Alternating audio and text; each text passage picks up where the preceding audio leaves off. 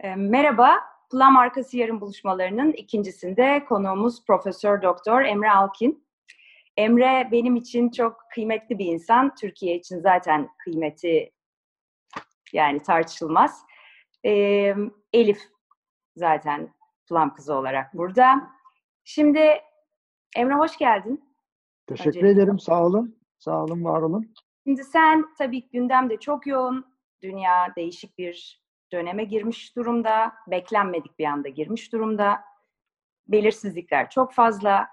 Ben tabii ki senin gibi büyük bir ekonomist değilim ama bir ekonomi mezunu olarak sana bugün ekonomiyle ilgili şeyler sormayacağım dermiş. Peki. Bugün öncelikle şimdi herkes seni tanıyor. Sen çok önemli bir akademisyen, bir yazar, bir fikir adamısın, bir entelektüelsin, sporcusun, müzisyensin.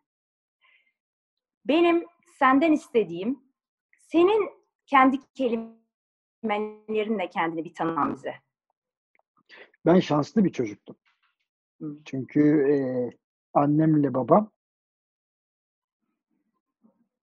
kütüphaneye en fazla kitabı kim koyacak diye yarışan, yemek sofrasında da oturduğumuzda akıllı şeyler söylediğimiz zaman bize konuşma müsaadesi veren, demokrasiyi de akılla beraber yürüten bir anne baba onların şemsiyesi altında büyümüş.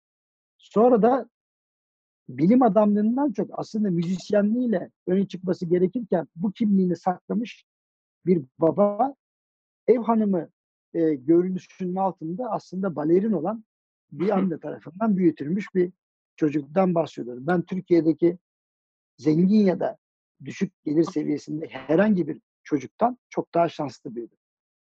E, bunu kabul ederek başlayınca yiyeceğiniz dayakları da kabul ediyorsunuz. Çünkü e, orta gelir seviyesinin hemen üzerinde büyümüş bir çocuk olduğum için ne öyle bir e, işte zero to hero dediğimiz sıfırdan ondan sonra e, kahraman yaratacak durumum oldu.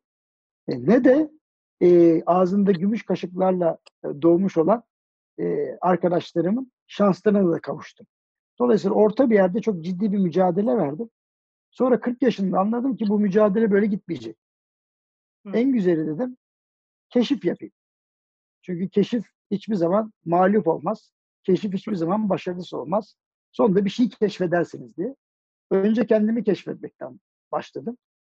E bugün de karşınıza değişik kimliklerle çıktım. İşte Duman'ın ilk bas gitaristi, efendim işte e, milli takımda, tenis milli takımında oynamış bir kişi, F-16 proje subayı, e, efendim UEFA'da marketing komite üyesi, efendim Türkiye Futbol Federasyonu'nun genel sekreteri, Galatasaray'ın iki sene e, yönetim kurulu üyesini yapıp iki şampiyonluk bir süper kupayı kaldırma. Sonra e, işte Mükemmel Eryan Kadın gibi iki tane aşk kitabı yazıp anan bilimde ileriye gitme falan filan derken yani açıkça söylemek gerekir zamanı iyi kullandı. Emre Hakim kimdir diye size sorarlarsa hiçbir şey um, şey umursamayın. Zamanı iyi kullanan adam diye. Gerçekten yani zamanı iyi kullanan adam Emre Hakim çok iyi tarif eder. Onun haricinde çocukluğu tarif edeceksiniz. Şanslı çocuk. Bitti. Yani bu kadar basit. Çok önemli bir noktaya parmak bastın aslında. Şu anda hani aslında bütün zaman bizimmiş gibi. Evden çalışanları kastetmiyorum. Ama Fakat, akıp gidiyor. Aynen öyle. Uzun zamanlardır e, home office, evden çalışan bir kişi olarak fark ettiğim, bildiğim zaten bir şey vardı ve şu anda da çok kişiden duyuyorum. Bilmiyorum Elif belki sen de duyuyorsundur. Sabah nasıl başlıyor, akşamı nasıl ediyoruz ve bir kitabın sayfalarını açamadım. Hatta bir önceki sohbetimde sohbetimizde de e, Elif ve Burcu da bunu dile getirdiler. Hakikaten belki hani olan olaylardan da mütevellit. Zamanı nasıl kullanıyorsun? Yani bizimle sırrını paylaşır mısın Emre? Var. E, Valla kız arkadaşıma da çok iyi gelmeyen bir e, rutinim var. Olmaz. Sabahın çok erken saatinde uyan. İşte bir önceki akşamdan hazırlamış olduğun taslak raporu gözden geçir. Fakat yeni piyasa bilgileriyle onu update et. Sonra 7 bin kişiye gönder. Mesela böyle bir rutinim var. E, fakat başladığım için hayata çok fazla şey yapabilme kapasitesiyim. Şoförüm yok. Çünkü kendim kullanmak istiyorum arabayı. Bunun da hoşuma gidiyor. e, günde bazen 250 kilometre yaptığım oluyor. Ama akşamleyin yattığım yere yatağa. Yani e, arada kitap yazmak istiyorsam onların sayfalarını, konferans veriyorsa veriyorum. Ha burada bunun neresinde derseniz evet, ben relationship material yani bu tabii şeye sormak lazım. E, Fulle'ye bunu. Ama e, zor bir adamım. E, zor adam olmamın sebebi e, benim bu kadar işi başarabilmem için mutlaka bir rutine sahip olmam lazım. Evet. Bu rutini bozduğum zaman e, raydan çıkarım. O zaman da mutsuz olurum. O yüzden hani hep her zaman uçaklarda derler ya hani oksijen bittiği zaman ilk önce kendine sonra da maskeyi çocuğuna diyor. Önce maskeyi kendime tutmam lazım. Çünkü benim kodum doyurmak. Hı hı. Ve ifadeyle doyurmak. İfadeyle doyurmak için ilk önce kendim doymam lazım. Eğer kendim doyamıyorsam o zaman kimseyi doyuramıyorum. Bunun da 40 yaşında farkına vardım. Yani doyur, doymadan doyurmaya kalkmışım. Hiçbir şey kalmamış bende. İçim tamamen bomboştu. Ee, kendimi kendimi bulabilmem bir iki sene aldı. Çok fazla hata yaptım ama aynı hatadan aynı hatadan çok fazla yapmadım onu biliyorum ama günlük rutinim e, benim çok disiplinli bir rutindir. Yemem Hı hı. içmem dahil olmak üzere. Fakat bu sıkıcı bir şey değildir. Bunu ben eğlenceli hale çalışırım. E, şunu da demem. Yani akşam eve geldiğinde hey işte yemek hazır mı falan diyen bir erkek hiç olmadı. Çünkü bunu sadece kadının görevi olduğunu hiçbir zaman düşünmedim. E, kadınları hep prenses gibi gördüm. Çünkü kraliçe gibi bir kadın büyüttü beni. Ve çok erken kaybettim 52 yaşında. E, dolayısıyla e, biraz bu zamana karşı olan saygım da annemi çok zamansız kaybetmemden kaynaklanıyor. Yani 12 yıl boyunca sen kanserden e, kanserle uğraş, gözünün içi gibi bat, bak ondan sonra Londra'da bir trafik kazasında e, sonucunda aynayı kaybet. Yani o zaman diyorsun ki hayat e, planlandığı gibi değil, geldiği gibi yaşanıyor ve sen her anını bunun iyi yaşamalısın. İyi yaşamalısın derken dolu yaşamalısın. Evrenin sana sunduğu tarifeyi onun içini doldurmalısın. Onun içini dolduramayan çok kişi mutsuz. Yani kendini çok beğenen ama kendini sevmeyen insanlarla dolu bir dünyada yaşarken e, ben kendimi sevdim ama kendimi hiç beğenmedim. Ben dünkü aklımı da beğenmiyorum mesela. Ya yazdığım makalelere bakıyorum ya bunu mu yazmışım hay Allah. Yani sürekli iyileştirme. O yüzden benim günüm kendimi iyileştirmekle geçiyor. Kendime yatırım da geçiyor. Bunu egoist olarak nitelendirilen de var. Yani çok bencil yaşıyorsun sen. Evet olabilir yani bir yere kadar bencil yaşıyorum ama e, fazla sayıda insana faydam olduğunu düşündüğüm için çok yakınındakilere bencil davranıyor olabilirim. Bunu kabul ediyorum. Haklılar yerden göre. Öyle bir şey. Pardon sen söyle. Ee, bazen de hani e, bütün o aldığımız verileri, e, beslendiğimiz şeyleri sindirmek için durmamız da gerekiyor ya. Hı hı. Sürekli yoğun bir rutin içerisinde ne zamanları durma zamanı olarak ayırıyorsun kendine? Yani hani nerelerde dinlenir zihin, nerelerde susar? Hani kendine kalmak hayatının neresinde? Elif diyorduk değil mi? O Evet, Emre lütfen. valla. Şimdi Elif e, çok küçüklükte bir şeyi keşfetti. 15 saniye içerisinde meditasyona girebiliyorum ben. Tabii Dünya patlasa bir tenis maçında baba annemin vefat haberini öğrendikten sonra da oynadım çünkü çok iyi biliyorum. En ufak bir şekilde o geride bıraktığım anıyla alakalı bir yük taşımıyorum kafamda. Çok ilginç bir şey. Bunu nasıl başardım bilmiyorum. Ben ya bana sormayın. Bunun bir metodu yok. Ama mesela sabah Instagram'dan günaydın dostlar diye bir manzara paylaşıyorum. Özüm onu çok iyi biliyor. O da benim bir meditasyon. Ee, nasıl diyeyim? Günü selam. Günün selamı ama duruyorum orada. İnan ki 3 dakikalık bir meditasyon yaşıyorum orada.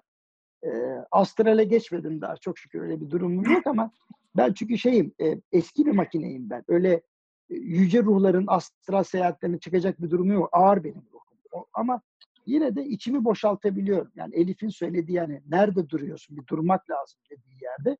O bana söylüyor zaten vücut. Burada dursan iyi olur. Mesela koronavirüs bana dur dedi. Yoksa durmayacak. Ve koronavirüs virüsü ortaya çıkmadan evvel Emre artık bir durman lazım. Hani çok fazla yükledin kendine derken geldi. Ha diyorsun ki duruyor musun? Ha durmuyorum işte. İşte sizinle konuşuyorum. İşte sizinle konuşmadan evvel bir başka webinardaydım vesaire. Ama e, Elif yani nasıl anlatacağım bilmiyorum. 15 saniye içerisinde otomatik bir başka evrene geçebiliyorum. Böyle bir özelliğim var. Korkutucu onu da biliyorum. Ondan sonra orada kimse yok. Bir tek ben varım çünkü. Ee, orada korku yok, keder yok, acı yok, nefret yok, kavga yok, gürültü yok, savaş yok. Bir tek ben varım orada. Yani oraya giriyorum. Sonra tamam yeter diyorum. Geri çıkıyorum. Tekrar ge- gerçek dünyaya geri dönüyorum. Şeyi merak ettim Emre. Ben ağır bir ruhum dedin. Hı. Ne demek ağır bir ruh? Kadim ruhlar genellikle ağır oluyor. Yani çok eski makineleriz biz. Ee, o yüzden daha yeni genç ruhların e, uç aralıkları yok bizde. Mesela soruyorlar yani bu tutkular, alevler, aşklar vesaire de bunlar hepsi çok güzel. E, fakat belli bir tecrübe ve belli bir beğeni seviyesine ulaştıktan sonra e, biraz daha ölçülü oluyorsunuz. E, o ruhunuzu heykeltıraş çok güzel shape ediyor. Onu bir o, o tasarımı alıyor bir başka tasarımın içine sokuyor. E, dolayısıyla çok daha ölçülü ama çok daha güçlü duygulara sahip oluyorsunuz. E, biraz daha vicdanlı, biraz daha aklı ve e, ahlakı öne çıkardığınız, e, şahsi menfaatlerinizi toplum menfaatinin önüne koymadınız, e, toplum için çalıştığınız için egoyu çalıştırmadığınız bir seviyeye ulaşıyorsunuz. Rahibe Teresa şöyle tarif etmiş. Öyle canın acıyor ki bir daha hiç yanmıyor canım. Öyle bir canın yanacak ki bir daha canın hiç yanmayacak. Ben o seviyeye geldiğimi bilmiyorum. Hani Mevlana'nın hamdım, piştim. Hamdım. Oldum demiyorum ha piştim ama onu söyleyeyim. Çok canım yandı. O yüzden yani canım bundan sonra o kadar yanar mı? Onda pek kani değilim ama tadını biliyorum onu. Yani o, onu bilmiyor değilim.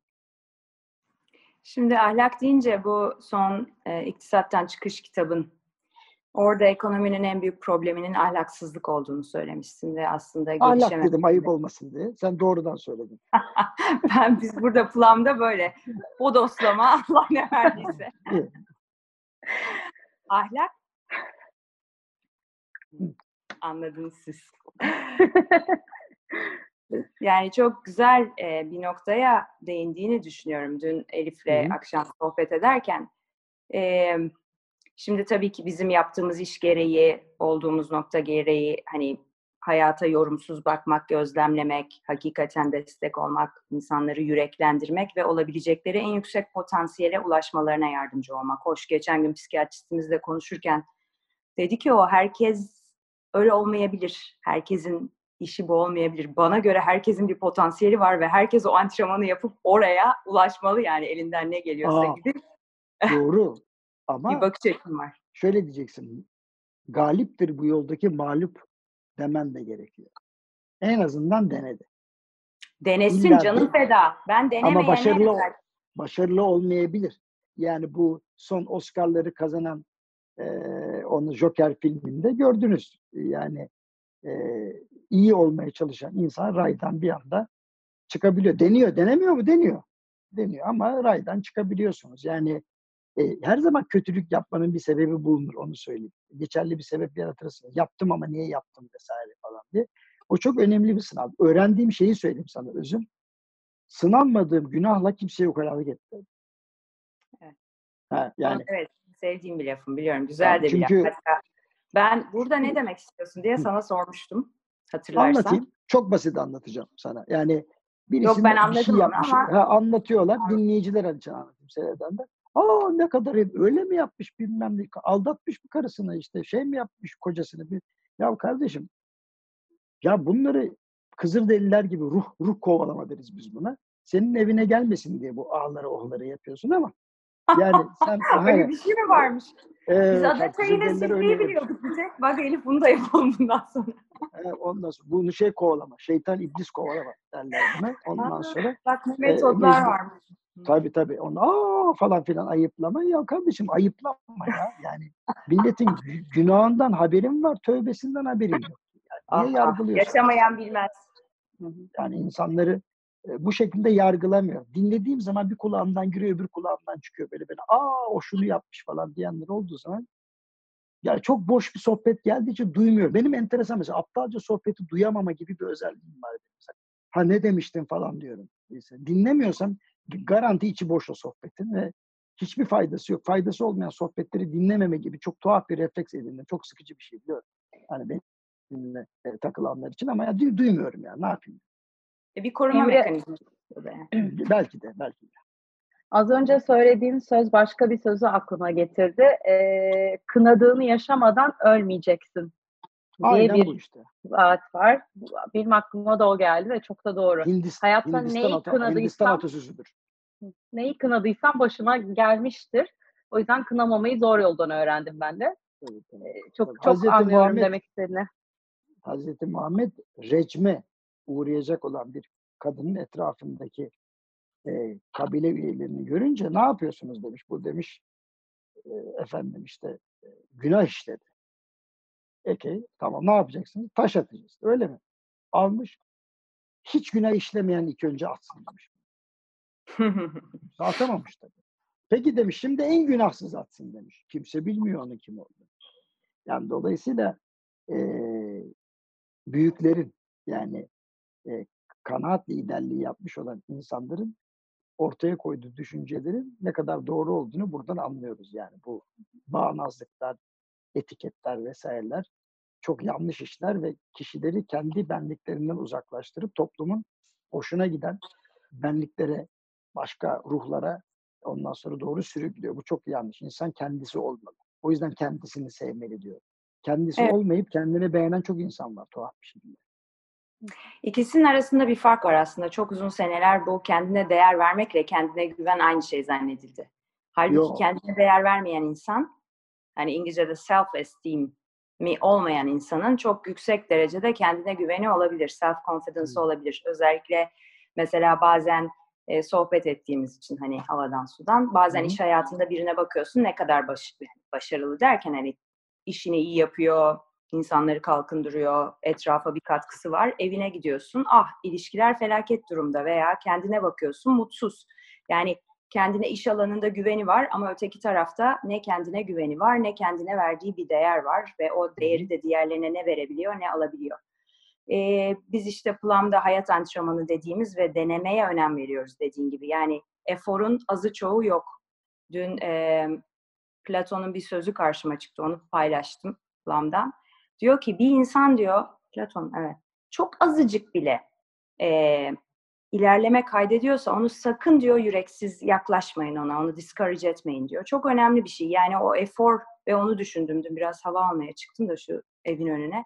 Orada Hı. onu düşündüm. Yani hakikaten ne kadar önemli bir şey yüreklendirmek bir insanı. Hadi iyi yapıyorsun demek. Yani hani bu çiçeklerle bile konuşunca açıyorlar ya insanlara bunu demek ne kadar kıymetli ve ne kadar az önemli bir insan çünkü daha kolektivizm ortada yokken antik Yunan'da ilk sosyalist düşünceleri yaymaya çalışan kişi. O yüzden Eflatun önemli. Platon.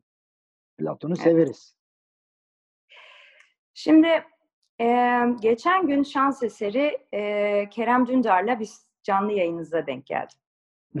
e, Kerem'i de çok severiz. O da konuğumuz olacak inşallah. Çok E, çok kurallardan, evet güzel bir sohbetti çok.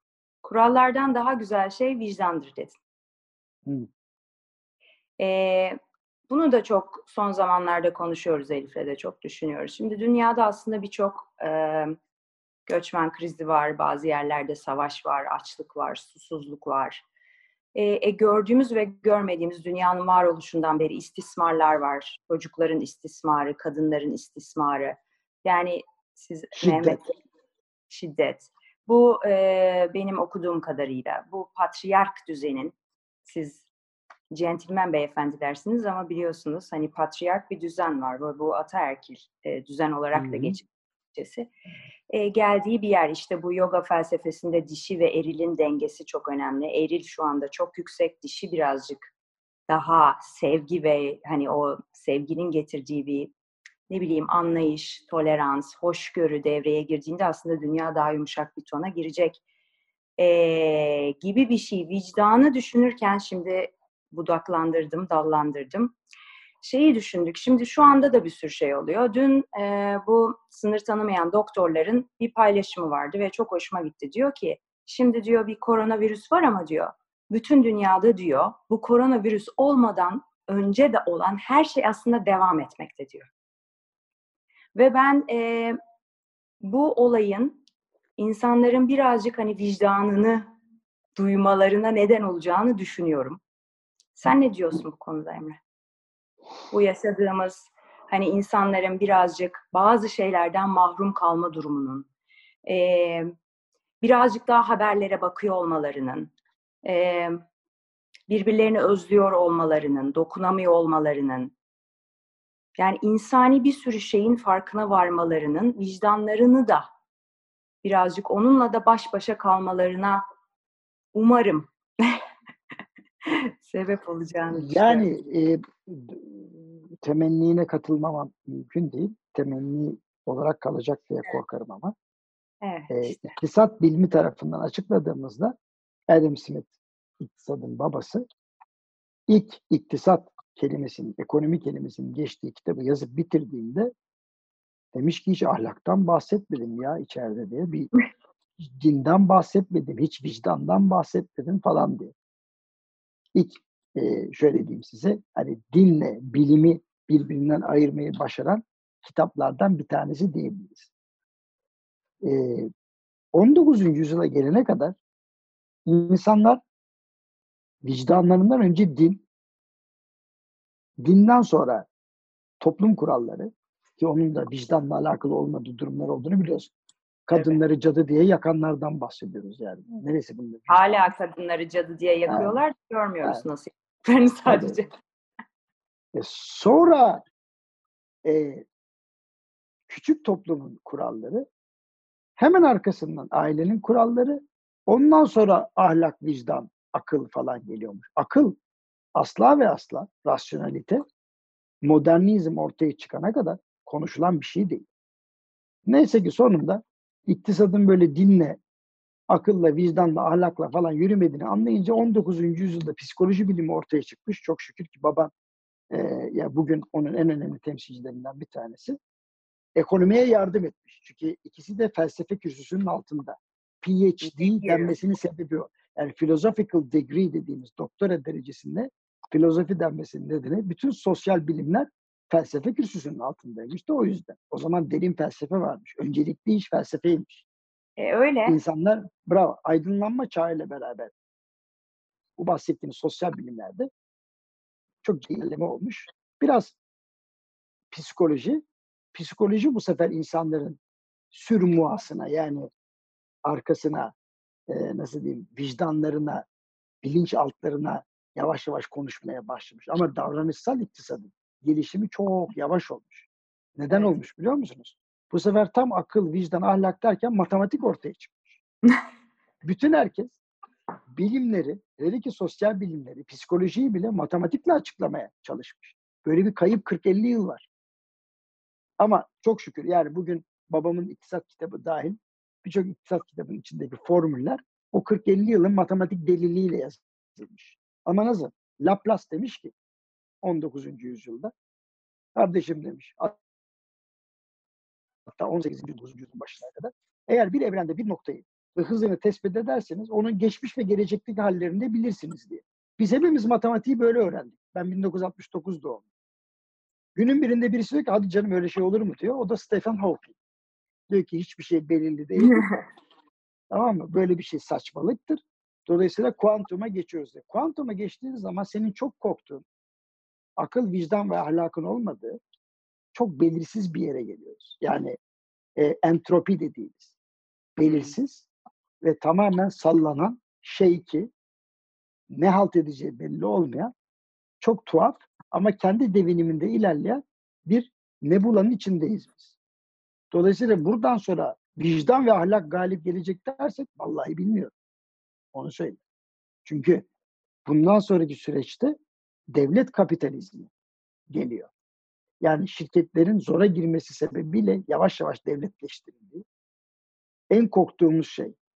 Biz yapısal reformlar dediğimiz özgürlük, adalet ve eğitimde yükselme beklerken tam tersi büyük abi seni seyrediyor diyen her şeyi merkezden yönetmeye meraklı bir başka devlet mekanizmasının içine girebiliriz. Tam ucunda duruyoruz şu an. Evet.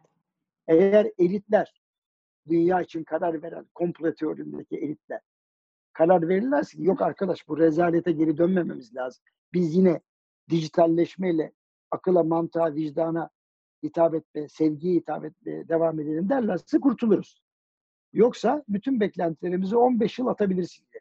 Ama 15 yıl sonra göreceksin kamulaştırmayla ortaya çıkmış olan ne varsa vicdansızlık ve ahlaksızlık bedeli tekrar çökecek. Buna emin olabilirsin. Ama senin emeklilik zamanla rastlayacak, yapacak bir şey yok yani. O zaman onun sefaatini süreceksin. Beni gözünde genç gördün Emreciğim. Benim emeklilik ben çoktan emekli oldum. Hemen emekli olmak istiyor musun ki? Allah Allah ya. Hayır o başka bir şey canım. Ben daha o inşallah uzun 15 ömürlü sene sonra olur, 40 ölene yaşında kadar olacaksın. Daha ne emekli ya? Evet, evet. Yani fütüristik Yani bir şey 15 söylemiyorum. yani 15. Onu söyleyeyim yani. Efendim? Fütüristik bir şey söylemiyorum. Aynen Anladım. biz bir kapının önündeyiz. Açtığımız zaman farklı alternatifler göreceğiz. Allah bizi korusun diyorum kötü olanından. Ama kötü olanı da olsa 15 sene sonra senin arzu ettiğin yere geleceğiz. Ama biraz faturası İnşallah. büyük olacak. Büyük İnşallah olacak. o 15 seneyi kaçırmayız artık diye düşünüyorum. Bu Ee, ilk başta pardon e, bu ilk başta hani özüm gelmeden önce konuşurken şeyden bahsetmiştik hani globalleşme ortadan kalkıyor mu? E, a- hatta ben anti globalizm dedim sen anti kapitalizm aslında daha çok dedin. Onunla da linklenen bir şey mi bu söylediğin biraz önce bahsettiğin? Tabii. Yani liberalizm bu laissez-faire, laissez-passer dedikleri şeyi çok iyi anlayamadı insanlar. Bırakınız yapsınlar, bırakınız geçsinler değil. Hikaye çok basit. 14. Güneş Kral İtalyanlar çok daha iyi ayakkabı ve bot yapıyor diye çıldırmış. Bütün ayakkabıcıları ve botları, bot üretenleri Paris'te otosanayi gibi bir yerde toplamış. Onlara bina vermiş. Demiş ki arkadaşlar sanayiyi kurdum. Bu bir endüstri. Hadi bakayım hepiniz birbirinize bakarak rekabete girin ve sonunda İtalyanlardan daha güzel bir şey yapacağız diye. Hiçbir şey çıkmamış. Allah Allah demiş ya. Yıl oldu hala bir şey yok. Hemen Kolber'i göndermiş. Kolber de o zamanın finans bakanı. Demiş ki ya her istediğinizi verdik. Daha ne istiyorsunuz? Ya arkadaş serserinin teki demiş ki lesefer lesefase diye bağırmış. Fransızca bilenler için bu bırakınız yapsınlar, bırakınız geçsinler değil. Gölge etme, başka ihsan istemem diyor. Hmm. Meğerse kim batıyorsa saraydan bir kese altın gidiyormuş biliyor musunuz? Kim kötü ayakkabı yapıp da batıyorsa diye. Şimdi adamlar da demişler ki arkadaş ben mükemmel yapıyorum. Bana müşteri geliyor, benden satın alıyor. Yandaki adam kötü yapıyor, hiç müşterisi yok fakat kese altında sen hala onu yaşatıyorsun. Ve diyor ki devlete burnunu sokma diyor. Liberalizm böyle başlıyor. Yani piyasa ekonomisine, arz talep prensibine bırakılıyor. Fakat şöyle oldu mu ya? Her devlet, her hükümet gelir gelmez liberalizme burnunu soktu. Bu kadar da özgürlük olur mu dedi. Tam John Stuart Mill'in 1856 yılında yazdığı On Liberty kitabında ikaz ettiği ne kadar halt varsa hepsini devletler cürüm olarak işlediler. Dolayısıyla liberalizmi öldürdüler. Kapitalizme teslim ettiler. Hatta komünizm kapitalizmi kullandı. Bir şekilde bir yere gitmeye çalıştı. Ama bugün baktığımızda bizim aslında yüreğimizde özgür piyasa ekonomisi hiçbir yerde uygulanmıyor. Yani sosyalizm de uygulanmıyor bir yerde ama biz kuazi böyle tuhaf bir yerdeyiz. devlet, ha, devlet dedi ki ya arkadaş bu da çalışmadı. Şimdi sıra bende dedi. Hepsi bana bir gelsin. Ben her şeyi merkezden. Türkiye'de bu oluyor. Türkiye'de özel sektörü Ankara yönetiyor. Bütün Evet. ihaleleri Ankara dağıtıyor. Bütün işleri Ankara veriyor. Aslında biz merkezden yönetime çoktan geçtik. Yani şu an bir devletizm var Türkiye'de. Devlet müsaade etmeden, yani hükümet müsaade etmeden kimsenin bir kuruş para kazanma falan ihtimali yok Türkiye'de. Bunu altını çizerek söyleyelim. Yani bu darılacak, gücenecek bir şey değil. Belki de diyor ki devlet hakkınızda hayırlısı buymuş diyor. Yani öyle bakın. Şimdi birçok büyük ihtimalle Amerika Birleşik Devletleri vesaire oradaki birçok ülke de diyecek ki hakkınızda hayırlısı buymuş ey vatandaş. Bak sonunda bana geldiniz. Hepinizin maaşlarını öder hale geldim. Bizde olmadı gerçi ama hepinizin şirketlerine paraları koydum. Hepinizin hisse senetlerini satın aldım. Hepinizin sahibi benim diyecek. O zaman Bu hayır. Hmm. Lütfen devam. nereye geleceğiz? George Orwell'in 1984 kitabına gecikmeli olarak geliriz haberiniz olsun.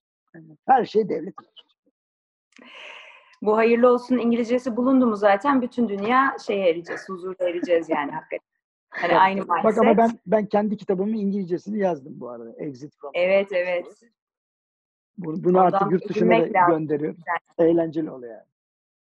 Gönder onlara da okusunlar. Trump'la şeye gönder, Putin'e gönder. Putin'den Putin'in eyvallah dediği üç gün yaşamıyor. O yüzden hiç Ondan uzak duruyorum. Kalp çiz içine öyle gönder pardon. Evet, öyle yapalım. Love is in the post-it'le. air de. Love is the answer de. Öyle gönder Emre. O kesin. O Ama öyle, anlamaz öyle. onu. Yani bunların artık geleceği nokta o. Anlıyorum. Emre geçen gün gene Kerem'le sohbetinizde aslında çıktı bu kelimeler galiba, bu kavramlar. Daha sonra Hı hı. sen tweetini attın bunun. Ee, yüzleşme, kendi kendine yetme ve sabır. Bu dönemin Hı. üç öne çıkan durumu diyeyim. Hı hı. Değil mi? Durumlar Doğru. çünkü. Doğru. Evet. Ee, ne demek yüzleşme? Neyle yüzleşme?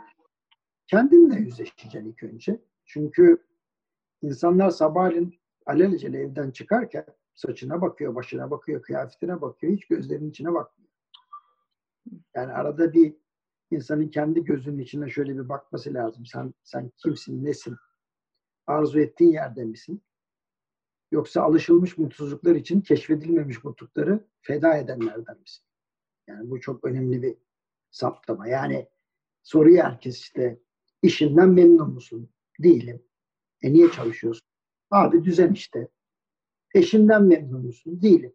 E ayrıl o zaman. Abi işte çoluk çocuk var, düzen işte falan. Hep bu yalanlarla hayatı yaşayan insanlarla dolu etrafımızda. Şimdi şanslı olan insanları bu ortamlar bir püskürtüyor dışarı doğru. Ama cesur olanlar bunun tam içinden geçiyor ve bunu çözüyorlar. Ee, yüzleşme çok önemli bir şey. İnsanlar korkularıyla yüzleşmek istemiyorlar. Mesela bu pandemik salgınla beraber bayılıyorum. Mesela tweet atıyorlar. Şu kitabı oku, bu kitabı oku. Hiç o tweetlere katılmıyorum. Biliyor musun? Dediğini söyleyeyim. Ya kardeşim kitaptan önce bir kendine oku. Kitap okuyarak kendinden kaçıyorsun. Kitapta kendini keşfetmiyorsun ki başkasını keşfediyorsun. Başkasının hayallerini. İyi bir şey. O ayrı mesele. Ama bu tefekkür işi çok yaptığımız bir şey değil. Yani kendi içine dönüp kim olduğunu keşfet. Bu da güzel bir keşif ya. Yani ne Muhteşem olduğunu bir keşfet. Şimdi bu e, şöyle diyeyim size. Bu Mükemmeli Arayan Kadın kitabında benim zaten yapmak istediğim buydu. Toplumun yapıştırdığı sıfatlar var. Mesela her yerde aynı örneği veriyorum. Millete gına geldi. 40 yaşına kadar bana şey derler. Emre iyi çocuk falan derler. Şimdi bir ara çok hoşuma gitti ya iyi çocuk. Ha. Dedim, Acaba dedim bu iyi çocuk imajını bozacak hareket ne olabilir mesela? bir düğün, mesela bir düğüne gittiğinde böyle Alaturka bir şey çaldığı zaman masanın üstüne çıkıp dans ettiği zaman iyi çocuk olmaz mısın? Yani koskoca hoca diyorlar mesela. Hoca ne yapamaz mesela? Yani hocanın kısıtları nedir? Vesaire. Ama toplum işte bu etiketleri sana yapıştırıyor. Bir süre sonra vatandaşların Evet. yüzde doksanı bundan hoşlanıyor. Bundan para da kazanıyorlar. Evet. Yani iffetliyim, namusluyum, şöyleyim, böyle bunları çok konuşan insanda genellikle yok. Hani Bektaşi ondan sonra 40 yılda bir namaza gitmiş. Allah'ım para ver, Allah'ım para ver deyince yandaki adam kızmış. Ay demiş sürekli para istedin oğlum. Namus de, ırz de, vicdan de. Oğlum kimde ne yoksa onu ister Allah'tan demiş. Çok güzel. tamam mı? Doğru. Ha, Dolayısıyla e, bir insanın gözünün içine bakarak ahlaksız olduğunu kabul etmesi de güzelmiş.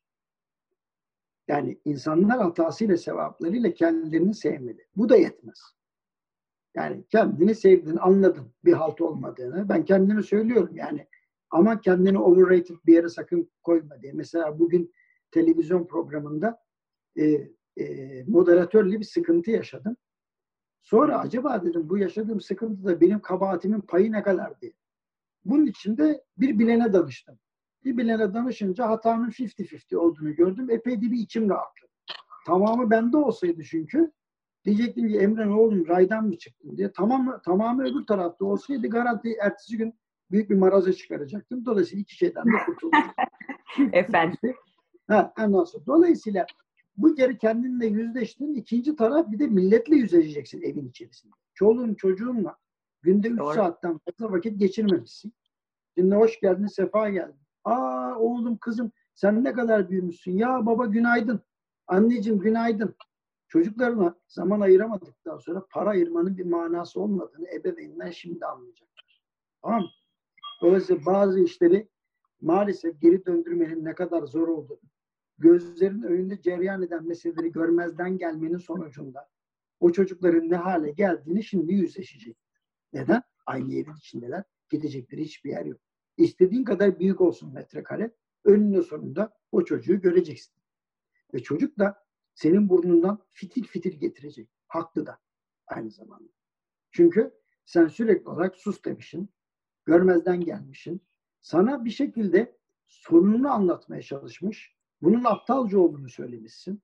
Vesaire vesaire. Ve de en kötüsü, en ayıbı biz senin yaşındayken diye ipe sapa gelmez aptalca da cümleler kurmuşsun. Ha senin zamanında koronavirüsü mü vardı? Evde oturdun.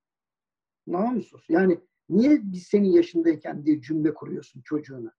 Senin yaşındayken televizyon yoktu be. Yani şimdi çocukların önünde bir sürü dijital alet var işte şu gördüğünüz gibi. Yani dolayısıyla kendi zamanıyla şu an e, çocuğunun zamanını karşılaştırıp bundan kendine bir zafer payı çıkarmaya çalışan affedersin eksik ebeveyn tarzı bir yüzleşecek çocuklarıyla. Karınla yüzleşeceksin mesela. Kadın da kocayla yüzleşecek. Tamam mı? Çünkü o kolaydı o. Sabah yat, kahvaltısını ver, evden gönder. He. Şimdi erkekler anlayacak ki bu ev işi yapma böyle kolay bir iş değilmiş. Tamam mı? Onunla bir yüzleşeceksin. Öyle çünkü sen kendin çok büyük adamsın ya dünyanın en büyük risklerini alıyorsun. Dünyanın en önemli işini sen yapıyorsun. Eve geldiğinde önüne yemek istiyorsun. Temiz çamaşır istiyorsun. Yıka bakayım o çamaşırları. Bak ne enteresan. O çamaşır makinesinin önünde bir bekle. Ondan sonra onu bir kurut şeye as. Anladın mı? Bir çamaşır makinesi nasıl çalışıyormuş bir öğren. Ampul değiştirmeyi bilmiyorsun bir kere. Bununla yüzleş. Sigortaları indirmeden ampulü değiştiremiyorsun. Makasla kağıt kesemiyorsun. Tüplerin, anladın mı? Yani bütün bunların hepsini arkadaşlarımda gördüm. Bu bir pabuç dil var. Her altı bunlar biliyor. Dünyanın en büyük yükü bunlar da. Şimdi o erkekler bir öğrensinler bakalım bu ev işinin nasıl yapıldığını. En ufak tamirci çağırmadan mesela göreyim bakayım bir prizi fişi falan düzeltebiliyorlar. Düzeltemezler mümkün değil. Zaten yarısından fazlası ödlek. Yani elektrik çarpar falan. tamam ha. Kadınlar da kadınlar da ha, akşam eve geldiklerinde dinlemedikleri adamların biraz bir dertlerini dinlesinler. O adamların da dertleri var. Yani o adamlar işte yüzlerce, binlerce kişinin sorumluluğunu taşımışlar. Kimisinin ismi patron, kimisinin ismi milletvekili, kimisinin ismi bakan, kimisinin ismi bir. Ha bu arada kadın çalışanlar da var. Yani kadın eve geldiğinde der, anlatmadığı dertlerini evdekilere bir anlatması lazım. Eşine bir anlatması lazım. Bu bir paylaşımdır. Şimdi bu yüzleşmenin ağ babası. Çünkü bir erkek ya da bir kadın eve girdiğinde orada müdürlüğü, şefliğin, milletvekilliğinin, bakanlığın, cumhurbaşkanlığının hiçbir önemi yok. Sökmüyor orada. Orada çocuk var. Bana ne ya kardeşim senin diyor patronluğundan da genel müdürlüğünden de. Şimdi normalde az saatlerle görüşüldüğü için bu, bu ünvanlarla geliyor erkek ve kadın evin içine. Ve zannediyor ki evin içindekiler onların çalışanları. Tamam mı?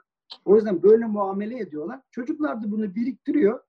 İlk fırsatını bulduğu yerde çivi gibi çakıyorlar. Ve şu an çakıyorlar. Onu size söyleyeyim. Hadi sıkıysa zapt et bakayım o çocukları. Dolayısıyla hayatta yakalanacak en son fırsat bu. Bunu iyi değerlendirsinler. Bir daha böyle bir fırsat yok. Tamam. Bir daha bir koronavirüs olmayacak. Bu kadar evde oturup da çoluk çocukla yüzleştin. O yüzden yüzleşme bu dönemin birinci kodu. Uzattım biraz ama anlatmaya çalıştım. İkincisi kendi kendine yetme. Yani kendi kendine yetinme değil. Ahmet Kasımhan'la dün televizyon programındaydık kastettiğin kendi kendine yetinmek yok abi. Öyle acındırık bir şey söylemiyorum ben. Kendi kendine yetin. Yani mesela bayılıyorum. Ya geçenlerde gördüm ya dört kere pilates dersi almış. Ee, Instagram'dan pilates dersi vermeye çalışan hanımefendiler var. Ya arkadaş o kadar kolay değil o iş. Tamam mı? Yani, yani bir şeye merak salma. Kendi kendine en azından evin içerisinde sportif bir faaliyet yapabilmen seni bu konuda profesyonel yapmıyor haddimizi de bilmiyoruz. Yani kendi kendine yetme insana haddini bildirir. Kendi kendine yeten insan zenginleşmeye çalışmaz. Otomatik gelir o zaten. Kendi kendine yetemeyen insanlar aşırı zenginleşme derdindedir. İşte Paypurman'da en iyi masa, Tarkan konserinde ön sıra, 48 metre yat falan. Bu tip hayaller e, kendi kendine yetmeyen, kendiyle memnun olmayan, kendisini de sevmeyen ama kendisini aşırı beğenen para kazandığı için her zaman haklı olduğunu zanneden tiplerin hareketleri. Tamam mı? Yani normal. Ya en iyisini alsınlar. O ayrı mesele. Ben de meraklıyım böyle güzel şeyler ama hayatının Başka birinci şey gayesi bu olmasın. Ha, Şimdi kendi kendine yetme işini en iyi yapan yabancı zenginler. Adam arka bahçesinde helikopter yapıp onunla uçmaya çalışıyor. Ölen de var. Mangal gibi yürek var. Tamam mı? Bizim en Değil baba, tanrıca. Ölümü arpadan. En, en azından öyle. E, Bizim en baba büyük holdingimizin veliahtları restoran otel açmayı çok büyük marifet zannedip en ileri derecede vizyonları da bir spor kulübüne başkanlık etmek olduğu için kendi kendilerine yetmenin ne olduğunu tam olarak bilmiyorlar.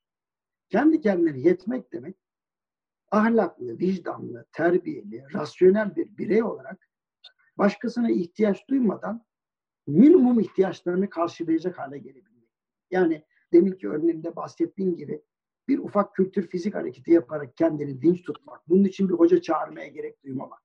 Efendim evde küçük bir tamirat varsa ya bu makine nasıl çalışıyor diye evde altı tane çalışanı çağırıp da onlara talimat vermek değil, kendin o işi öğrenmek vesaire ve de küçük küçük zanaatlardan haberdar olmak, çivi çakmak için aşağıdaki valeyi çağırmamak gibi şeyleri öğrenecekler yani. Ne var ya? Becerileri. Bir tane bile çivi çakmadım. Becerileri artacak. Bravo. El becerisi, hünerleri arttıkça o çocuklar da babalarını baba gibi görecekler. Annelerini anne gibi görecekler. Patron gibi, genel müdür gibi, şef gibi veya ne bileyim ben amir gibi görmeyecekler. Çünkü öyle davranıyor. Ha bir bakacaklar ya ne meleke varmış bu kadında ya vay anasına bir keşke. Ben de böyle olayım. Ne de güzel dans ediyormuş. Ne kadar güzel. Her gün spor yapıyor. Ben de yapayım. Yani anne ve babadan örnek alır çocuklar. Güzel bir masal anlatıyorsun gibi Emre şu anda. Güzel bir masal Ama anlatıyorsun şu anda şey. gerçekten. Yani çünkü şu an ne kadar oldu? 11 Mart'ta işte Türkiye girdi bu işin içine. Daha Yok millet yani bir ay, bir hani ay zaten herkes far görmüş geyik gibi. Daha hani daha bir şey yok yani onu söyleyeyim. Hani bir sene iki sene sürer bu Allah korusun tabii o durumda. zaman Ekonomi sana zaten. üç, üç, üç numarayı armağan ediyorum. O da sabır. Tamam. Ah. Üç numaralı kodumuzun ismi sabır. O da şu. Biz aşkta da, işte de veya kendimizle alakalı meselelerde de, kişisel bakımımızda da sabırsız insanlar olduğumuz için hep bir ekspere ihtiyaç duyuyoruz. Eksperi çağırıyoruz. Üç gün kickbox yaptım. Şimdi cage fight'ta McGregor'u yenmeye gidiyorum. Böyle ruh hastaları var bizde. Yani 3-4 gün bir şey yapınca zannediyor ki muhteşem oldum ben. Çünkü spor hocası da onu dolduruyor. Aslansın, kaplansın, süper oldun. Ne kadar güzel vücudun var. Ne kadar ne yapsın adam? Yani daha bire gaz veriyor buna ki yani motive etmek için. Fakat o motivasyonu aklı fazla çalışmadığı için doğru zanneden her birey diyor ki ben bu her gün bana yalan söylemiyor ya ben muhteşem bir şeyim o zaman falan deyip mesela başlıyor Instagram'da üç kuruş bildiği şeyi anlatmıyor. Arkadaş sabırlı ol. Yani kendini idame ettirecek kadar melekeye kavuştuktan sonra eğer bu işte derinleşmek istiyorsan bunda yılların gerektiğini bir kere bilmelisin. Ben çok iyi hatırlıyorum. Davis Cup oynayacağım teniste. Bir yıl antrenman yaptım. Birinci turda elendim. Raketleri fırlatıp bırakmadım tenis ama. Güldüm ya içimden. Demek ki hayat böyle bir şeymiş dedim. Yani çalış, çalış, çalış, çalış. Karşındaki adam daha iyi. Geçenlerde bir tane Pardon bir yıl antrenman ne ki? Pardon. bir yıl antrenman yani? zaten yani yıllardır antrenman Küçümsemek için ama- demiyorum yani. Hakikaten antrenman çok Tabii canım. Şimdi e, geçenlerde çok gördüm. Mick Jagger'la Alain Delon oturmuş. Ortaya da bir kadın. Bazen diyor sen Mick Jagger'sın ama yanında oturan Alain Delon'dur diyor. Yani kadın gitmiş tabii Alain Delon'a bakmış. Mick Jagger'a bakacak hali yok yani. Şimdi ne kadar ünlü olursan ol, ne kadar iyi olursanız birisi geliyor senden daha iyisini yapıyor. Dolayısıyla sabır çok önemli. Yani tamam ya işte iki hafta bana yetti demeyeceksin. Bu pandemik kriz, bu pandemik salgın içerisinde yavaş yavaş öğrenmeye başladığın melekeleri derinleştirmek için çok sabırlı olma ve yola devam etmen lazım. Keşfe devam etmesi lazım kişinin. Bak o zaman bir yere gelebilir. Yani gitar çalıyorsun diye Alice Cooper gibi çalamazsın. Ya. Ama çal ya, çal. Neşelen, bir mutlu ol. Yaptığın şeyle bir kere mutlu ol. Onu geliştirmeye çalış ve ömrüm boyunca öğren. Ben rahmetli babam öldükten bir hafta sonra evine gidebildim. Hiç ayaklarım geri geri gitti. Baktım ertesi gün anlatacağı dersin notlarını toparlamıştı. Hayatında bir kere derse girmedi. Öldüğü gün girmedi. Yani bu nasıl bir şevktir, nasıl bir aşktır ki koca profesör hala öğrenmeye çalışıyor ki sabahına öğretsin diye. O yüzden sabırlı ol, öğren öğret. Ama öğrenmeden öğretemezsin. Yani İşte. bu üç tane önemli kodu eğer biz bu evde kaldığımız sürece öğrenmemiz mümkün değil. Çok kısa bir süre kalacağız. Şu iki üç ay yetmez buna bu anlattığım şeyler. Ama bir tefekkür ettiğimizde ya ben nerede hata yaptım dediğimizde dediğin gibi bir tanesi yüzleşme, ikincisi kendi kendine yetme, üçüncüsü sabır. Bu üç tane önemli vasıf bizde kalmadı ki. İnsanlığın şu an eksik olduğu vasıf bu zaten yani. Şu üç vasfı E- bir yerine getirsek kendini kurtaran kurtarır. Kurtaramayan E- için yapacağını Buyur. Emre sabırda ikiye ayırmıştın diye hatırlıyorum. Ee, yanlışsam düzelt lütfen. Bir kendi kendimize göstereceğimiz sabır. Bir de başkalarına tahammül kısmı da vardı bu işin. Yüz. Yazdığın tweette. Hı. Doğru hatırlıyorsam. Ee, ben demedim o sözü ama çok güzel bir söz. Cumhuriyetçilerin e, senatodaki çoğunluk lideri Mitch McConnell. Mitch McConnell çok sabırlı bir insan. Mitch McConnell'ın karısı bu arada Güneydoğu Asyalı. Ama Güneydoğu Asyalı olup e, şöyle diyeyim size Oğul Bush döneminde de Ulaştırma Bakanlığı yapmış. Şimdi düşünsenize Trump denilen şahsın bu adama yani medyon olması lazım. Trump iktidara gelir gelmez ilk söylediği şey Güneydoğu Asyalılarla alakalı iğrenç bir söz. Ve akşamleyin Beyaz Saray'da balo oluyor. Cumhuriyetçilerin çoğunluk lideri yani bunun ağır babası yanında Güneydoğu Asyalı karısıyla geliyor. Şimdi bu çok büyük tahammül ve sabır gerektiren bir şey. Trump da diyor ki aa ne enayiyle gitmişim kusura bakma haberim yoktu. Bu kadar basit yani. Şimdi sabır göstermek iki sebepten olur. Bir, değiştiremeyeceğiniz şeyler için uğraşmayın. Evrenin değiştiremediği şeyleri siz değiştiremezsiniz. Vaktinizi boşa harcamayın. Tamam mı? Dolayısıyla sabır göstermeyeceğiniz işler de var. Boş ver gitsin.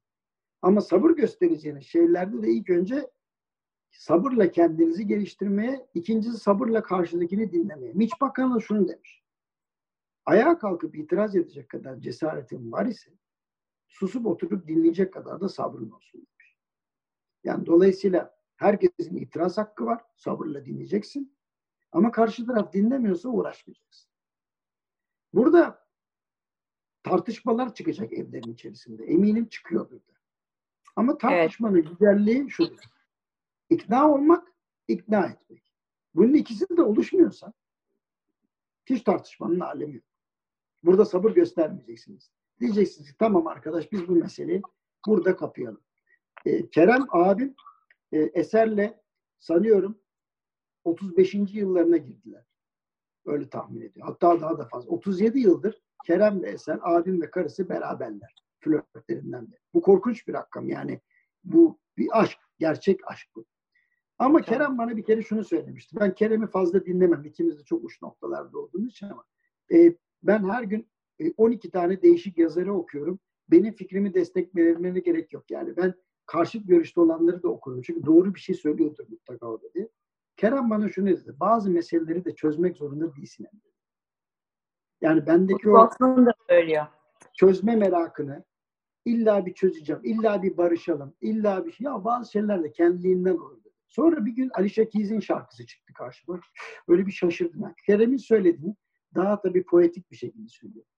Diyor ki bazen diyor, İngilizcesini söyleyeyim. Sometimes you have to run for it to make it happen. Sometimes you have to wait, wait to make it possible diyor. Yani Hmm. bazen koşacaksın ki olsun, bazen bekleyeceksin ki gelsin. Şimdi tabii bunun ayırdığını yapabilmek çok büyük bir Biz Elif'le tecrübe, tecrübe gerektiriyor. Dolayısıyla pardon. benim bunu öğrenmem çok Pardon hocam. Dersi Yo cıvıtmayın. yo yo. Benim bunu öğrenmem çok zor oldu. Mesela bir işin olmayacağını anladığımda, yürüyüp gittiğimde karşı tarafın çok büyük bir öfkeyle buna cevap verdiğini fakat o sırada onun bu öfkesiyle onu gerçeği onu anlatamayacağımı anladığım için suskun kalıp zamanın rüzgarına bıraktığım çok an olmuştu. Sonra o kişiyle tekrar karşısına çıktığımda dinleyebilecek durumdayken yıllar sonra anlattığımda pek çok kez bu olmuştu.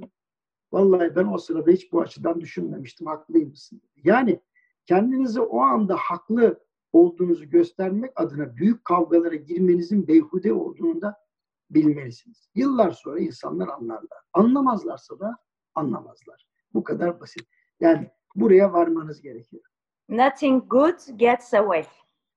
Ya Öyle de bir söz var. Şimdi dün bir makale okudum. Orada diyor ki, daha tabii çok erken bunlar için ama eee, bu dönemde diyor eşler arasında tabii ki çok büyük sürtüşmeler olacak diyor. Aynen dediğini söylüyor ve bunu bir eee aile terapisti söylüyor. Aklımda hatırımda yanlış kalmamışsa yabancı bir makale.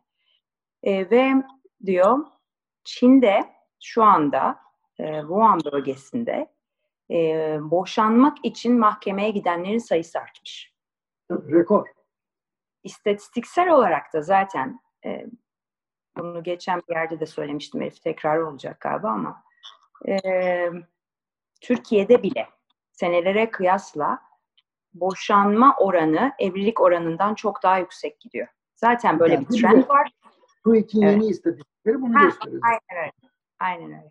Aynen öyle. Bir anda da şunu söyleyeyim. Kapanan şirket istatistiği de açılan şirket istatistiğinden fazla. Evet ama geç kalındı. Dediğin gibi liberalizmin en başında olsaydı bunlar süper olurdu. Ama şimdi artık İşler, Tabii, işler bozuldukça öbür taraftaki işler de bozuluyor. Evet. Şimdi bu bir noktaya yani benim hani geldiğim noktada e, tabii ki hocam söylediklerinize saygımız sonsuz. Bazen bu cehalet yani cehalet demeyeyim bilgi eksikliği de tabii e, birçok şeye neden olabiliyor. Yani mesela bilgi eksikliği olan bir kişi kendini dört ders sonra pilates hocası zannedebiliyor. Şanslı buna bir- cahil feraseti diyoruz. Bak cahil feraseti de öyledir. Azıcık bilince cahilden tehlikeli olur. Tamam mı? Cahil öyle yapmaz ama. Cahilin bir feraseti vardır. Az bilen cahilden tehlikelidir o yüzden. Az bildin mi sana inananları da uçurumdan aşağı sürükleyebilirsin. O yüzden Feraset ne demek? Ben ferasetin anlamını bilmiyorum. yani şöyle bir şey.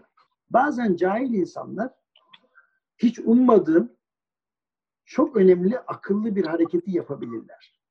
Hmm.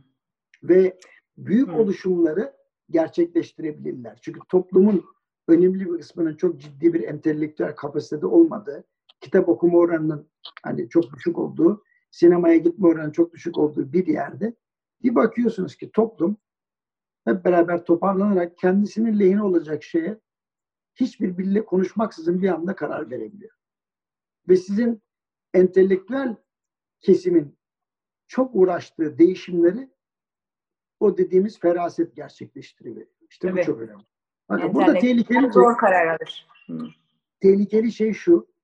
e, ne diyeyim mesela otoparktan çıkarken otoparkçı arkadaşım bana bu koronavirüsü var ya büyük bir oyun falan gibi böyle komplo teorisiyle başladı. Şimdi bu az bilince tamam mı? Yani her şeyden birer paragraf öğrendikten sonra mahalleye günlerce konuşabilen insan kapasitesi var biliyorsunuz. İşte bunlar tehlikeli tür bu. E tabii Çünkü- Instagram feediyle artık fikir beyan ettiğimiz için bilgimiz yok Yok. ama fikrimiz çok yani. Yok, Geçen gün yok. birisi bir makale gönderdi apayrı bir konuda, sporla ilgili bir konuda. Büyük bir mail grubu oluyor. Beyefendinin biri de demiş ki tanımıyorum şahsen. Ya bu çok uzun bir makale. Bunu böyle 140 kelimeyle falan anlatmak mümkün mü? Tweet gibi demiş ben böyle. yani güleyim mi, ağlayayım mı? Pardon. Bana eski karım yapmıştı bir kere onu. Bir şey sordu bana. Tam anlatıyordum. Uf sıkıldım dedi. Niye dedim? Sıkıldım sen anlatırken dedi. Başka türlü anlatamaz mısın? Peki olayın ne olduğunu biliyor musun? Bilmiyorum. Peki nasıl anlatacağımı nasıl biliyorsun? Yani, hani senin anlayabileceğin gibi mi anlatmalıyım? Aslında haklıydı biliyor musun?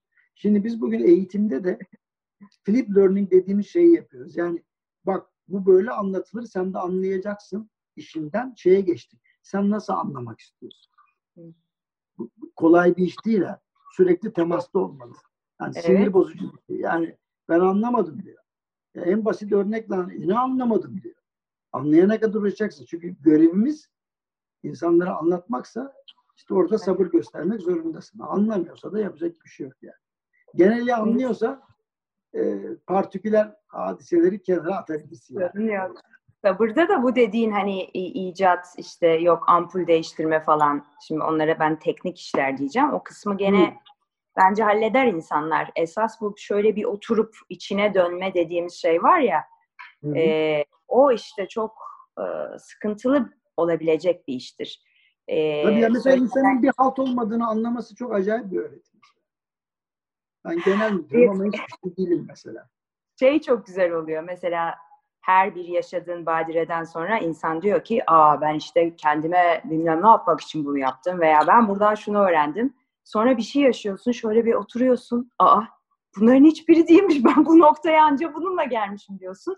Ve aslında nereye geldiğini görüyorsun. E tabii onun kendine göre sıkıntısı var. Ve bizim hep planda söylediğimiz şey şu. E bu fizikselde var. Mesela sen çok güzel storylerini koyuyorsun. Acayip hareketler yapıyorsun. Şimdi. Hı hı. Şimdi sen o hareketleri yapmak için haftada kaç kere antrenman yapıyorsun Emre? Şimdi sana acı gerçeği söyleyeyim. Onlar antrenmanla yapılacak işler değil. Ben çünkü e, e, olimpiyat jimnastikçisiydim. E, dolayısıyla adilliğine koyuyorum onları.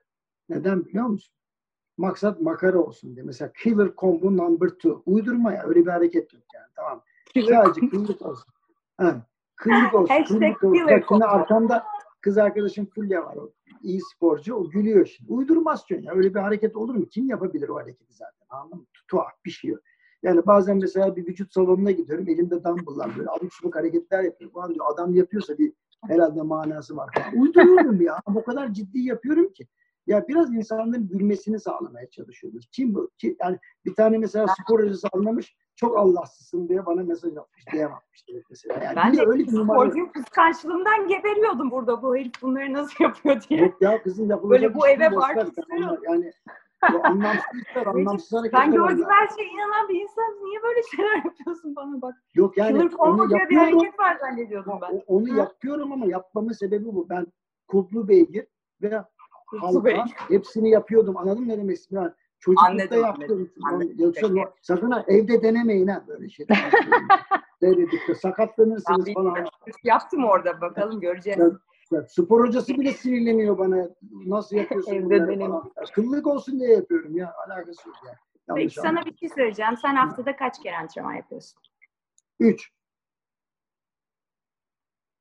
Come on Emre. Az mı söyledim? Anlamadım. Az söyledin. Tamam, Yani üç ben? kere 50 yapıyorsun en azından. Tamam üç kere yapıyorsun. Eyvallah. Üç kere antrenman yapıyorsun. Evet. Ve işte anlattın rutinini. Sabah işte önceki günden hazırlanıyorsun, okuyorsun, takip ediyorsun. Yani e, inanılmaz bir arı gibi çalışıyorsun. Yani bunu biz Evet. görüyoruz zaten. Bunu da gösteriyorsun ki yani çok Ya güzel bir şey. üç, üç kere çalışmam mucize. Özüm seversen. Nasıl bulacağım o kadar vakitte zaten? Dört beşi nasıl yapayım ben? Evet. Ben yani bence yaparsın o ayrı bir konu da hani ben daha fazla. Gece yarısı falan. Şimdi ama biz maneviyata geldiğimiz zaman hani bunun aa ben böyle aa bir kitap okudum oldu. İşte ben Emre Bey'i dinledim oldu gibi bir durum var ya hani bu üç kere Olsun pilates, bekleriz. kendini konuşalım. pilates hocası zannetmesi gibi. Yani Emre Bey oldum değil ama anladım yaparım. Bizim de burada vurgulamaya çalıştığımız şey bu da antrenman gerektiriyor. Yani bunlar çok uzun senelerin, çok aslında kendi başına oturup Kaç Olmaz hafta ya? sonra belki burada oturup ağlamanın, kafanı vurmanın, okumanın, yazmanın. Okumak kıymetli tabii yani bu senin bahsettiğin adamları okumak. Onlar yol göstericiler. Romanlar keza aslında bu Evet, niyetle yol gösterdiğinde çok yol göstericiler. Yani inanılmaz klasikler var. Geçen gün Acar Baltaş gene Kerem'le sohbette bir tek orasına denk geldim. E, benim de Elif bilir söylediğim bir şeydir. E, yani kişisel gelişim kitabı, sonra Kerem'le de konuştuk, ha, Burkay'la konuştuk. Kişisel gelişim kitabı okuyarak bu iş olmaz. Çünkü bu şey gibi bir şey, bir patoloji yani bir pato yani benim benim annem patoloji profesörü patoloji kitabı okuyup ah ben patolog oldum. Aslında bir noktada böyle bunun bir yani bunu psikiyatristler okur, psikologlar okur, okuyanlar anlatır, uzmanlar insanlara anlatır. Ama biz zannediyoruz ki yani böyle bir furya var ya herkes her şeyin uzmanı ya. Böyle bir şeyin olmadığının da bilincinin insanlara Ben sana hemen yerleşmesi. tak, taklidini yapayım bak mesela. Evet arkadaşlar. Biliyorum hepinizin içerisinde bu evde oturmaktan dolayı öfke var. Öfke insanı yarı. Başlarım ben 15 dakika falan konuşurum ben. Önce nefes alıyorsun. Ve atıyorsun. Bir daha yapıyoruz hareketi. Sana söyleyeyim bir saati doldururum ben böyle. Zaten hani taklit yeteneği falan da var. Yani çok Şimdi acayip şeyler komboya geçiyoruz. olmuyor Orada- yani bu. Şimdi mesela benim, benim, benim spor hocam diyor ki komboya bağlıyor? mesela diyor ki aman aman diyor bu acemiler çıksın da diyor millet sakatlandığında zaten otomatik bana geliyorlar diyor. Yani şimdi Doğru. dolayısıyla bu Yani sahte ama sahte Louis Vuitton çanta gibi tamam mı? Yani sahtesi varsa gerçeğine zahmet artıyorsan merak etme. En de sonunda doğrusu budur. Yani Evet. ekonomist diye çıkanı da görüyoruz. Buyurun karşımıza çıksın konuşalım. Hani el elden üstündür vesaire. Yani o challenge'dan da korkmayacaksın yani. Herkes eşit şartlar. ama işte şimdi şimdi e, şöyle bir şey var. Biz bunu şu anda dile getirmemin nedeni şu. E, insanların bunu yaparlarsa aslında bu antrenmana göze alabilirlerse aslında daha mutlu olma şansları var bence. Dediğin şeyleri yapma şansları var. Hayata bir bakıp ben ne yapıyorum, ne ediyorum, mutlu muyum? Hani senin o lafın var ya alışılmış mutsuzluk için keşfedilmemiş mutluluk. Şimdi herkes bir şey belirsizlikten sormak acayip efendim. bazı şeyleri kafaya taktığın zaman bazı şeylerden feragat etmek gerektiğini de bilmek lazım. Şimdi E, düşün ben sana sabahtan akşama programımı az buçuk ikinize de anlattım. Şimdi bu evli olsaydım eşimin çekeceği bir şey olmazdı. Niye öyle Bak, diyorsun? Ya ben Bak, söylediğine. Farklı bir insan yani normal bildiğiniz evlilik olmazdı.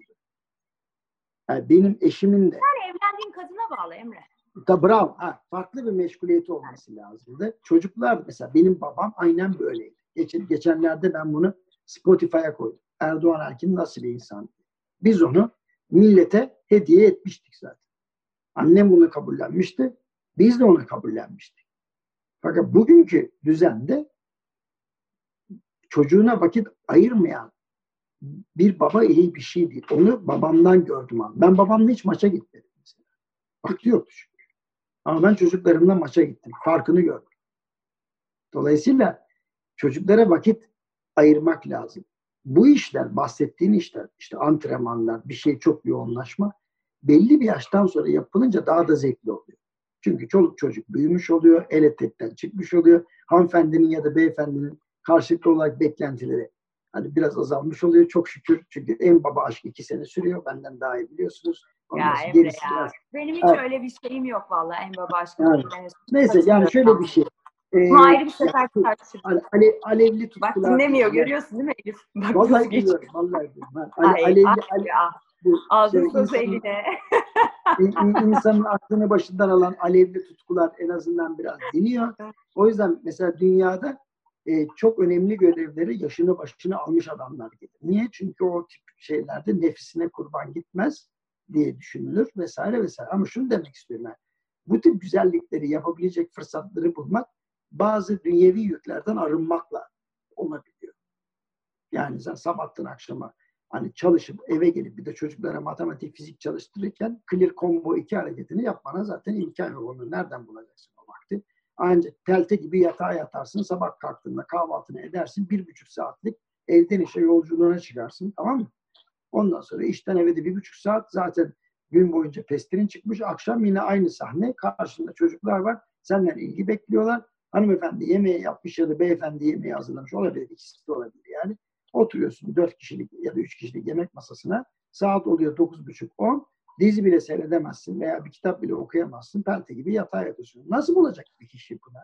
Yani gerçekçi de olmak lazım. Yani Öyle şu anda şu anda da bir fark olmayacak ama Emre bu rutinde. Yani şimdi sen eğer iki çocuklu bir çiftsen mesela evinde Hı. geldin yardımcını da gönderdin diyelim var veya yok sorun değil.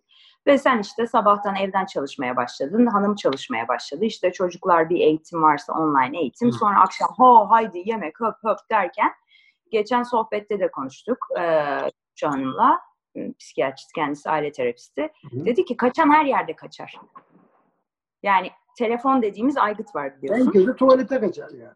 Ha, aynen öyle yani. Hani o Ama yüzden hani nereye ben kadar şunu düşünüyorum. Yani Ha? Ne? nereye kadar kaçacaksın? İki haftada. En Aynen öyle işte. Günlük günlük pratikte uyu- uyumlu olan çiftler için çok güzel bir bence aşk tazeleme zamanı. Ama hani bir sıkıntı varsa zaten gündelik hayatta birbirleriyle uyuşmuyorlarsa E, çok zor bir şey. Şimdi bu e, çekime başlamadan önce bir tane makaleyle paylaştım hatta story'e koydum. Beş tane ayrı çift bu olay olması esnasında ayrıldıkları kişilerle aynı yerde kalmışlar fiziksel olarak. Hmm. Düşünebiliyor musunuz? Yani mahsur kalmışlar bunlarla. Yani o sıkıntılarını dile getirmişler. Devamını okuyacağım ama aslında bak bunlar ayrılmışları. Net. Pardon. Bitirmeme izin ver Emre.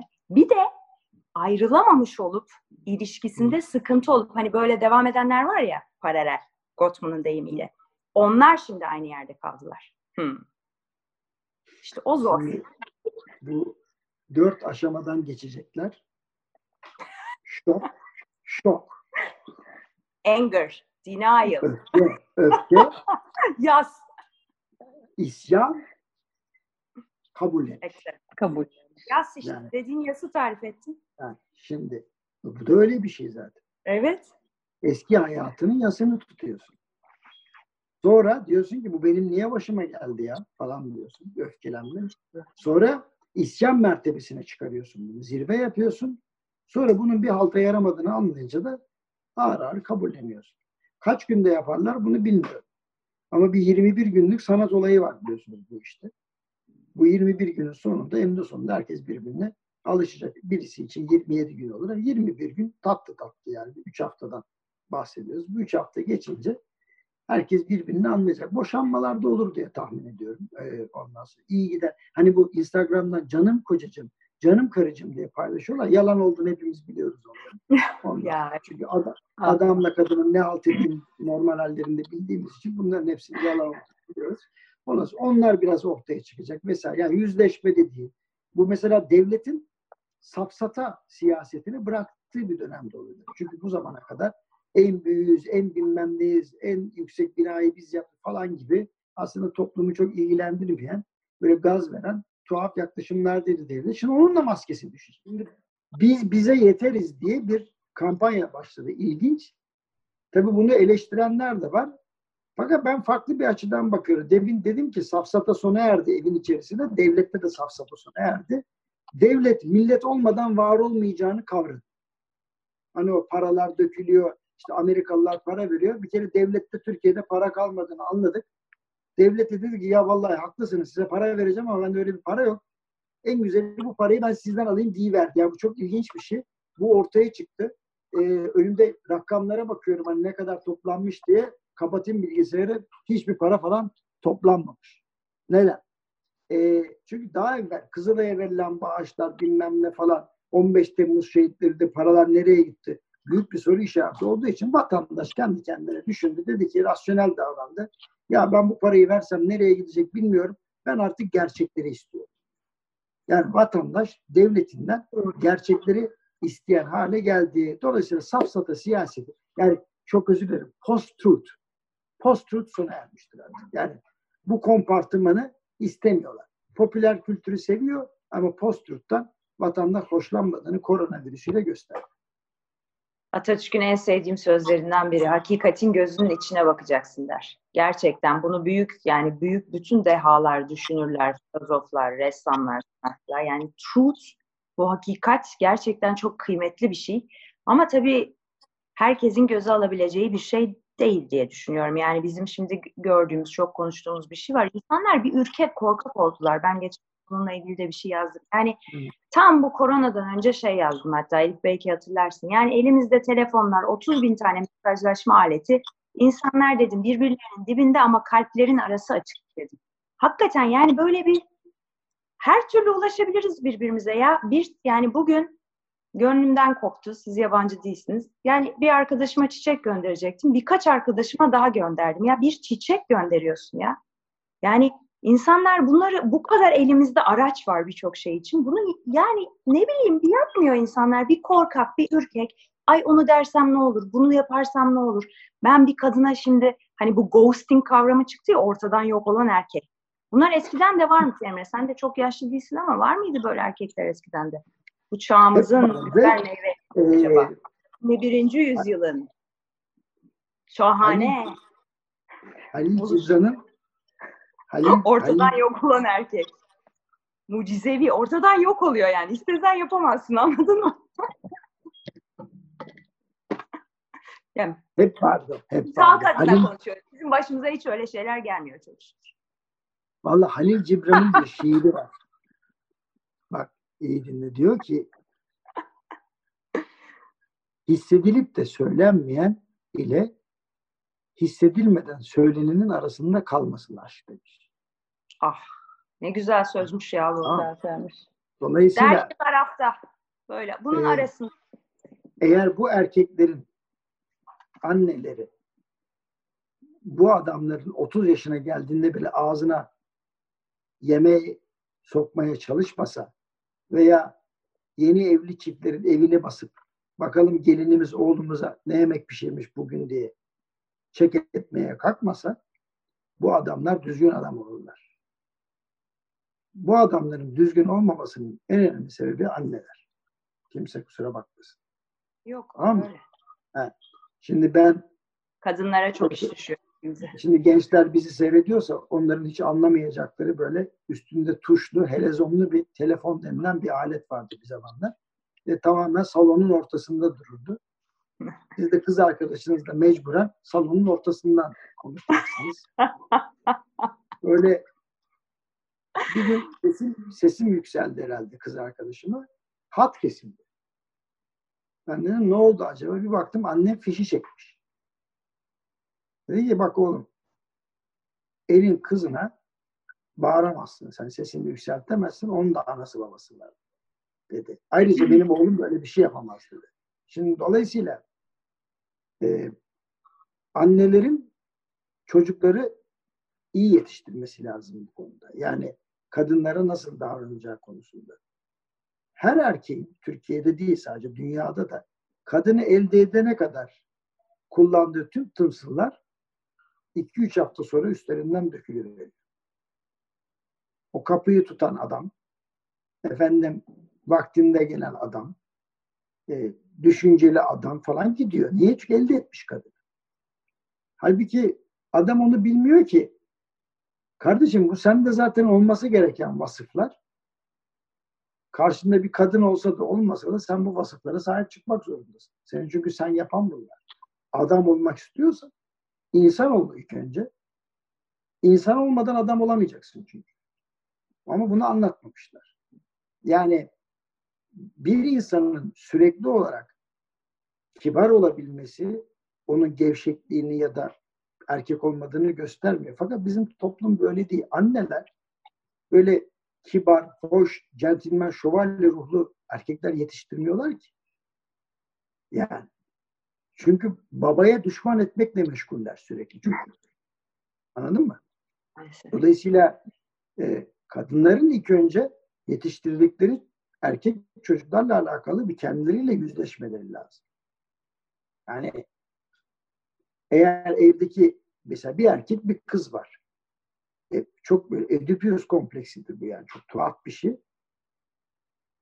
Kadınlar direkt, direkt olarak erkek çocuklara çalışıyorlar. Yani. Ama çok ileri gitmeyeceğim. Tabii çok fazla örnekler. Ben annemden böyle bir terbiye görmedim. Ben şanslıyım. Ben şanslı bir çocuk olduğumu söyledim zaten bu söyleşimin başında. Yani benim babam da kaba davranan bir adam değildi. Ha çok ince bir adam değildi. Ha, onu da söyleyeyim. Ama mert bir adam. Kabalık etmezdi. Ama çok incelmezdi yani. Müzisyen de oydu buydu ama bir valgırlık vardı babamda. Bu da babamı çekici kılıyordu açık söylemek. Ama hiçbir zaman anneme bir kabalık yaptığını, herhangi birisine kabalık yaptığını görmedim. Herhangi bir başka kadına da sesinin yükseldiğini görmedim. Yani ilginç bir adamdı. Hatta Asaf Savaş Akat Hoca babamı şöyle tarif etmişti. Kırılmazdı, kırmazdı dedi cenazesinde. Ben dedim yok, yanlışım var. Kırılırdı, kırmazdı. Hı. Düzelttim.